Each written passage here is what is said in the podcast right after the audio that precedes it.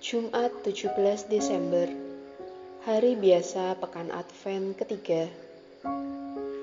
Bacaan pertama diambil dari kitab kejadian Bab 49 ayat 2 sampai 10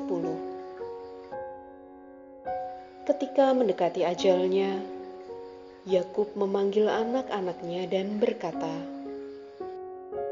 Berhimpunlah kamu dan dengarlah Ya anak-anak Yakub, dengarlah kepada Israel ayahmu. Yehuda, engkau akan dipuji oleh saudara-saudaramu. Tanganmu akan menekan tengkuk musuhmu. Kepadamu akan sujud anak-anak ayahmu. Yehuda, engkau ini seperti anak singa. Setelah menerkam, engkau naik ke suatu tempat yang tinggi. Hai anakku, engkau meniarap dan berbaring seperti singa jantan atau singa betina. Siapakah yang berani membangunkannya? Tongkat kerajaan tidak akan beranjak dari Yehuda, ataupun lambang pemerintahan dari antara kakinya sampai datanglah dia yang berhak atasnya, dan kepadanya akan takluk bangsa-bangsa. Demikianlah sabda Tuhan.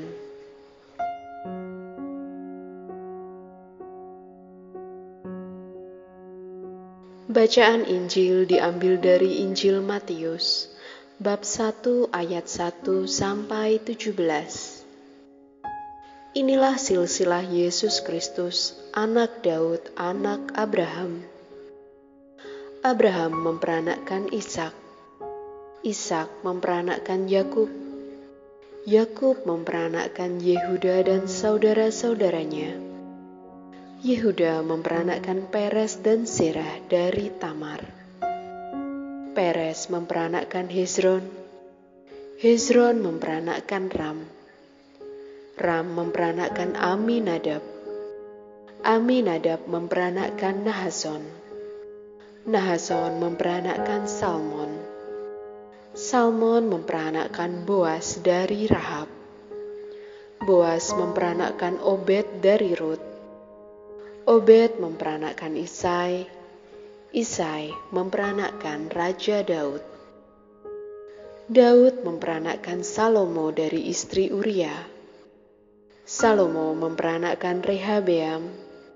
Rehabeam memperanakkan Abia. Abia memperanakkan Asa. Asa memperanakkan Yosafat.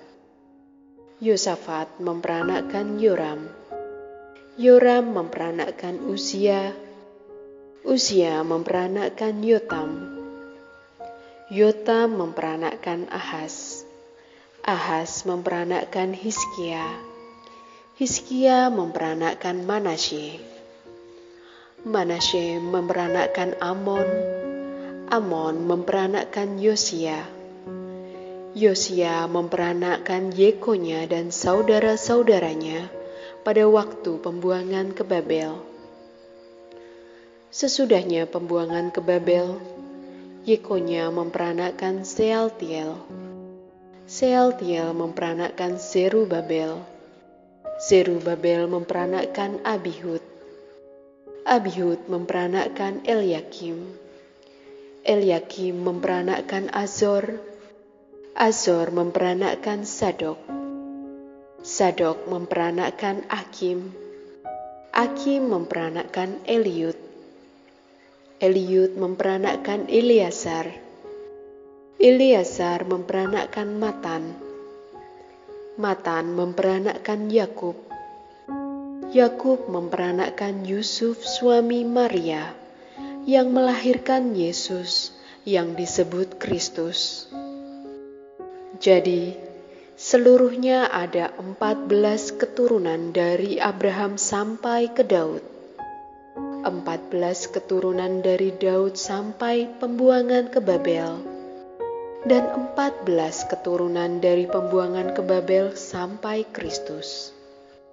Demikianlah sabda Tuhan.